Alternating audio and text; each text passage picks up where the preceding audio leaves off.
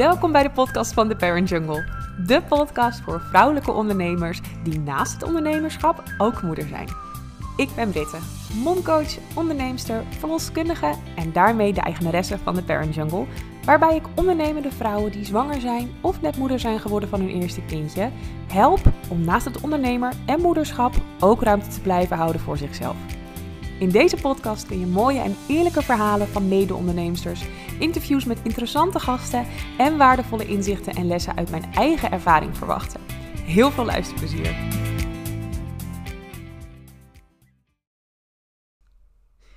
Ja, welkom bij een nieuwe aflevering van de Parent Jungle podcast. En voordat ik deze aflevering verder ga, laat ik jullie heel even weten dat dit ook meteen de laatste aflevering is voor de zomerstop. Dus dat betekent dat ik in um, oktober weer bij jullie terug ben met nieuwe afleveringen en dus even een pauze neem.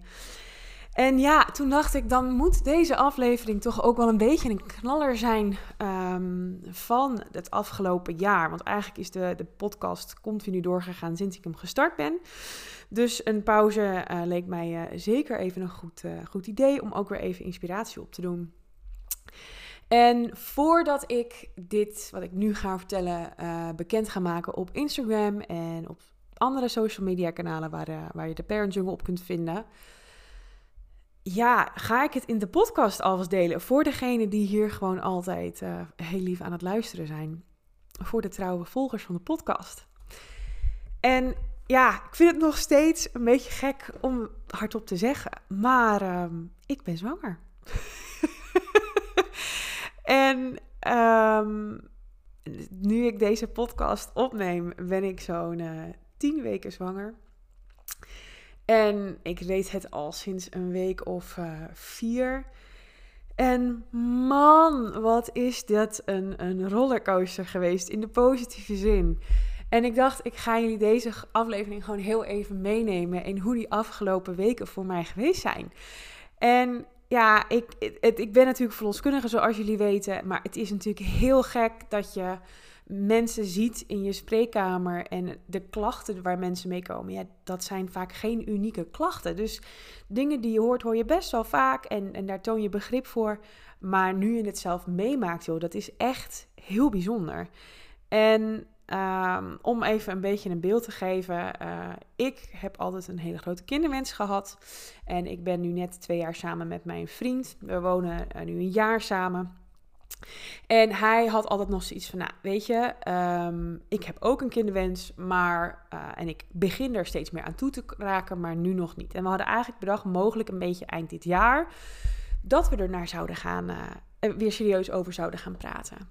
Maar ja, toen was er gewoon één zaadje wat dacht, no way, José, ik, uh, ik ga ervoor. Nou ja, Um, en overigens, ik gebruikte al sinds uh, uh, vorig jaar geen anticonceptie meer. Um, gewoon puur omdat ik dat uh, de hormonen gewoon een beetje een nare invloed hadden op mijn, op mijn lichaam.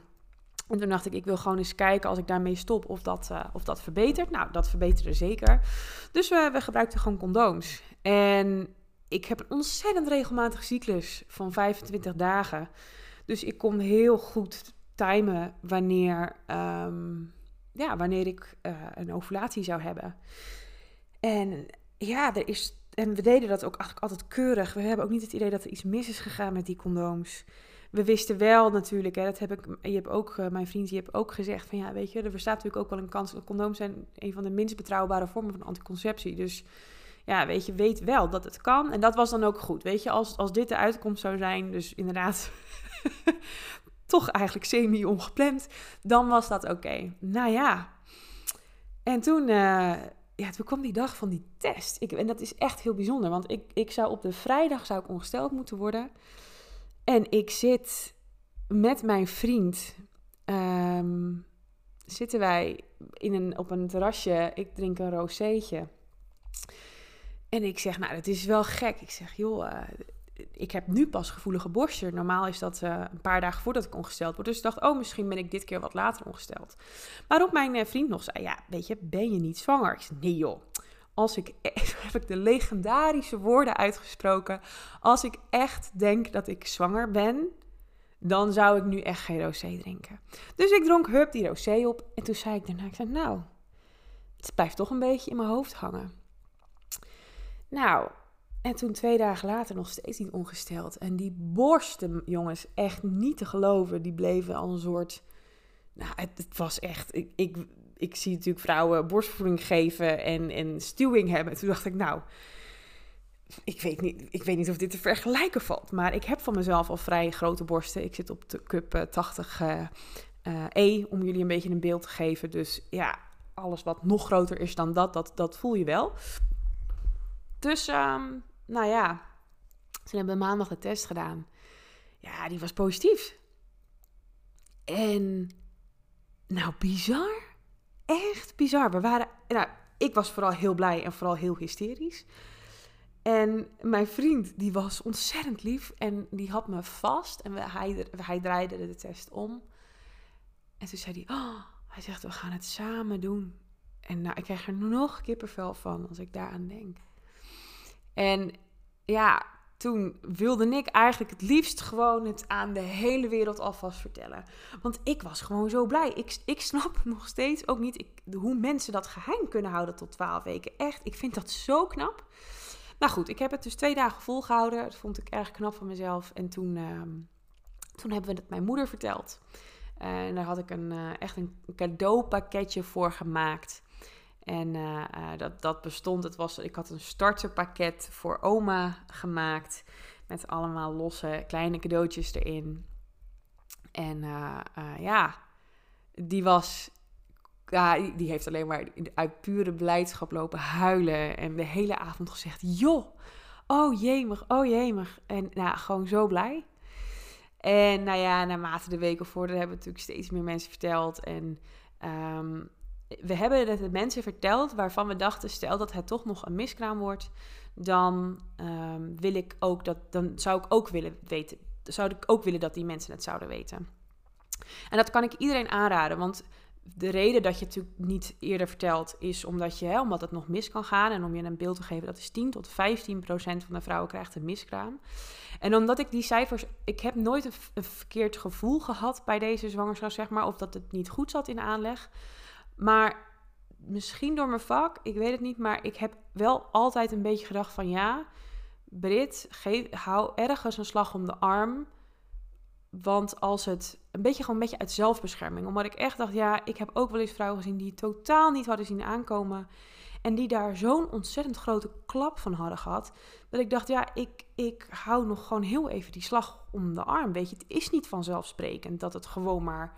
Weet je, de natuur doet vaak zijn werk wat dat betreft als het niet goed zit in de aanleg. Dus ik dacht, ja, weet je, ik, ik, hou, ik hou nog toch nog ergens. Ehm, nou, ruimte in mijn hoofd dat het misschien toch nog anders zou kunnen zijn. En ik denk nou, dat dat nu pas dat ik wat meer. Ik durfde ook niet dingen na twaalf weken in te plannen. Want ik, ik, ik wilde bijvoorbeeld hè, een, een echo inplannen om met mijn oma te vertellen. Die leeft nog. En mijn moeder zei op een gegeven moment, nou, zullen we dat dan op een gegeven moment even gaan plannen? Want ik wilde ook mijn moeder meenemen. En toen dacht ik, nee, dit voelt gewoon nog niet goed. Van, niet omdat ik dacht dat het fout ging, maar nogmaals, Stel dat het fout gaat, dan moet ik dat allemaal afzeggen. En dat leek me gewoon zo intens. Dus ik dacht, stap voor stap, ik neem de ruimte, ik, ik luister naar mijn gevoel. En um, ja, tot op heden gaat het hartstikke goed. Dus uh, ik ben wel heel blij dat ik het gedaan heb op deze manier. Want het, het geeft wel echt, um, het geeft wel echt rust.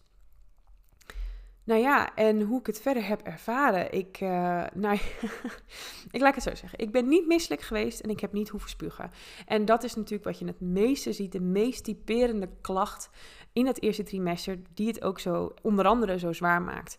Dus ik, ik heb echt, ik ben zo dankbaar dat ik, dat ik dat niet heb gehad.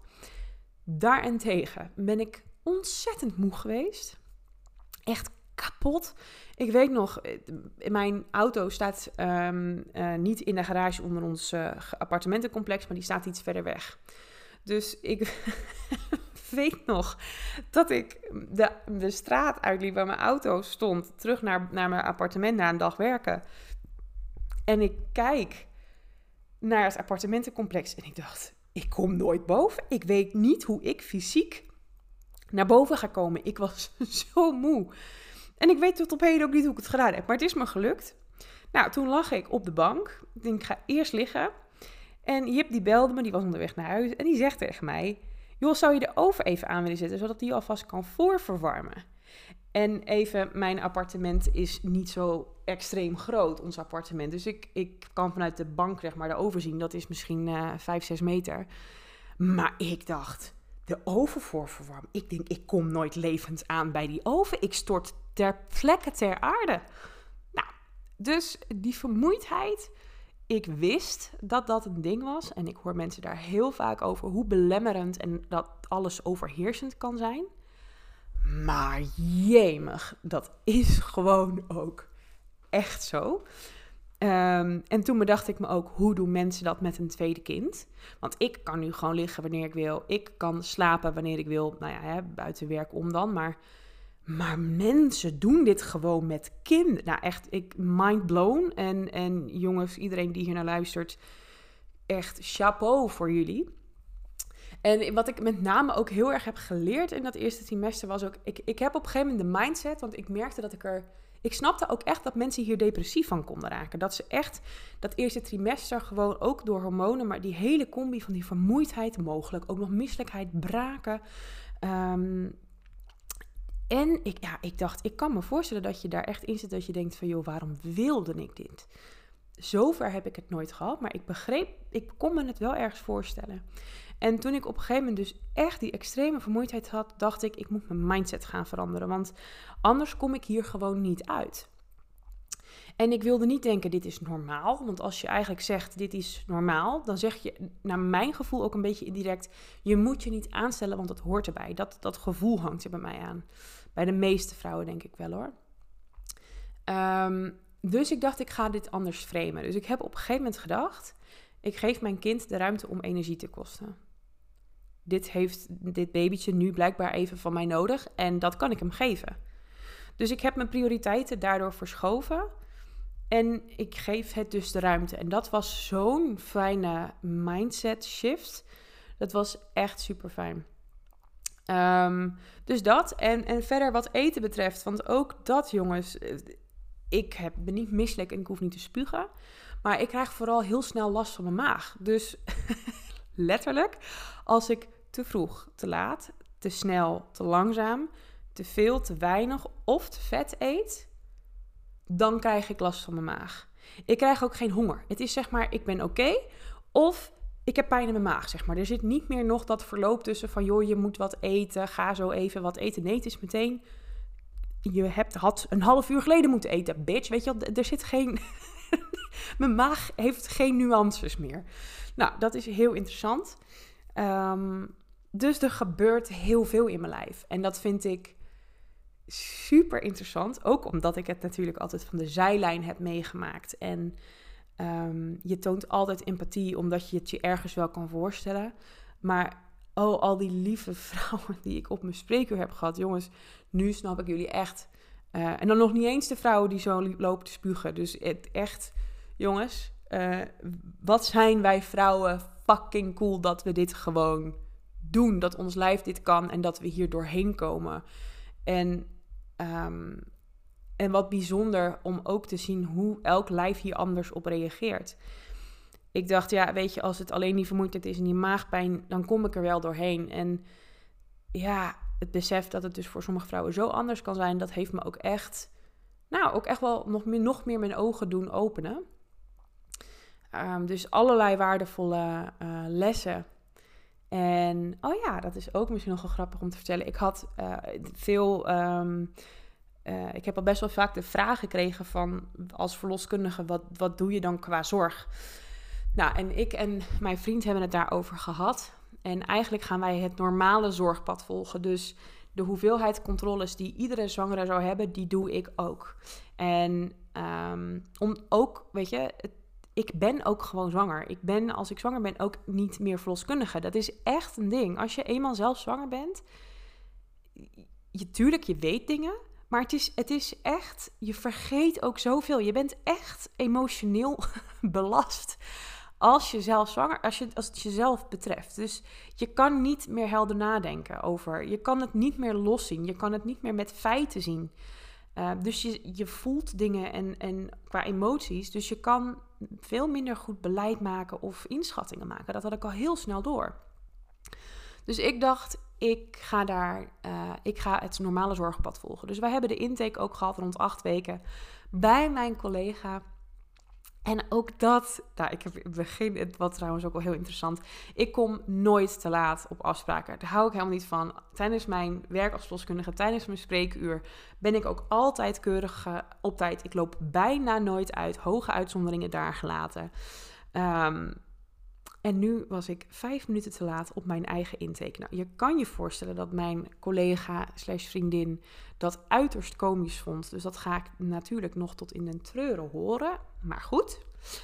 Ehm, en het is heel gek, want je weet welke vragen er gesteld gaan worden.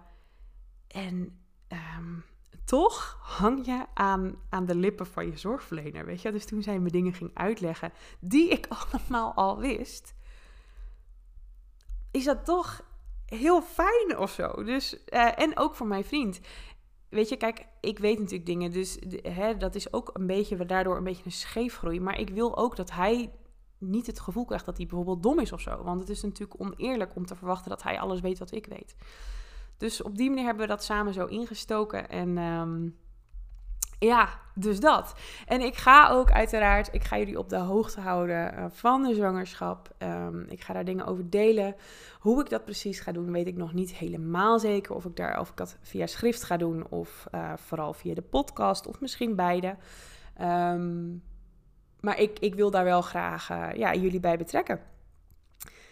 Ik zou zeggen, mocht je er vragen aan mij hebben over mijn zwangerschap, over wat dan ook...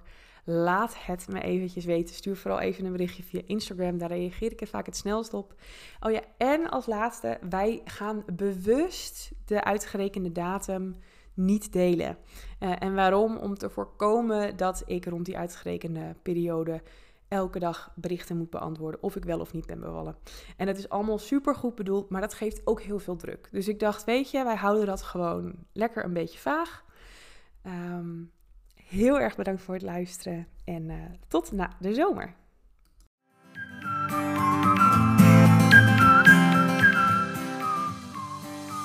Bedankt voor het luisteren naar deze aflevering. Ik ben natuurlijk heel benieuwd hoe je het vond, dus laat vooral een reactie of een review achter.